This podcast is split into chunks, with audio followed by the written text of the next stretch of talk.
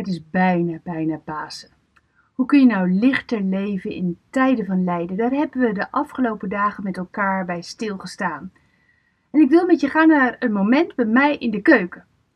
Ik hoor zo lief daar zo schreeuwen.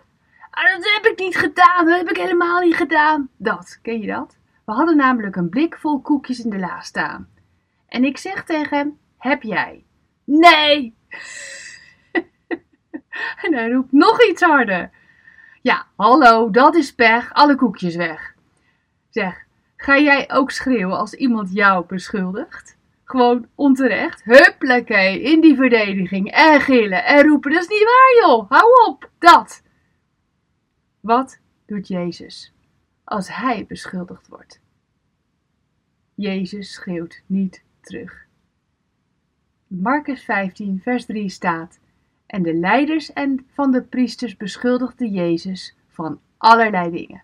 Maar hij antwoordde niets. Ook dit detail in het paasverhaal was honderden jaren eerder al voorspeld hoor, door de profeet Jezaja. Daar staat dit, moet je opletten. Het was dus al voorspeld, zelfs dit kleine detail. Er staat in Jezaja 53, hij werd mishandeld, maar hij protesteerde niet. Niet. Hij zei niets. Jezus volbracht tot in detail de profetieën waarin de grote verlossing werd aangekondigd. Hij onderging niet leidzaam alle vernederingen, maar als een ware leider ging hij de vernederingen aan. En Jezaja voorspelde nog meer. Luister. Niemand wilde iets met hem te maken hebben. Hij werd door iedereen in de steek gelaten. Hij kende pijn en verdriet en ziekte. De mensen draaiden hun hoofd weg als ze hem zagen. We hebben geen enkel respect voor hem gehad. Jezaja 53. Een paar dingen. 1. Onterecht droeg Jezus elke fout die je hebt gemaakt. 2. Onterecht droeg Jezus elke pijn die jij voelt.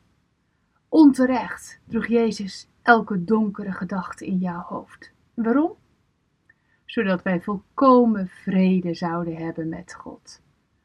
Vrede in een oorlog tussen goed en kwaad. En het kwaad riep: Ik win. En God riep: Ik heb je overwonnen. Een nieuw verbond dat op het hoogste level wordt vastgelegd, namelijk met bloed, Jezus bloed. Er staat, hij kreeg de straf, zodat wij vrede met God zouden kunnen hebben. Prachtig, Jezaja 53 vers 5. Adem die vrede in. De prijs om dit aan jou te schenken was zo hoog, zo hoog als de hemel naar de aarde reikt. En ik heb goed nieuws voor je, iets moois voor je. Je kent die zinnen waarschijnlijk al wel, maar ik hoop en ik bid dat ze je hart op dit moment mogen raken. Open je oren. Jezus houdt van je. En ik moedig je aan. Omarm die woorden. Omarm die vrede. Spreek de vrede uit over je leven. Dank voor die vrede. Koester die vrede. En fluister vandaag die vrede. En fluit vandaag die vrede. Je kan het. Wees blij voor wat Hij voor jou heeft gedaan. Wees blij en dankbaar voor die vrede.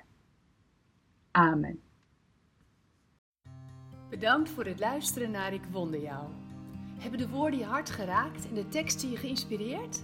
Gun ook anderen Ik Wonder Jou. Meld ze aan bij www.ikwonderjou.nl. Ik ben zo blij dat je bestaat.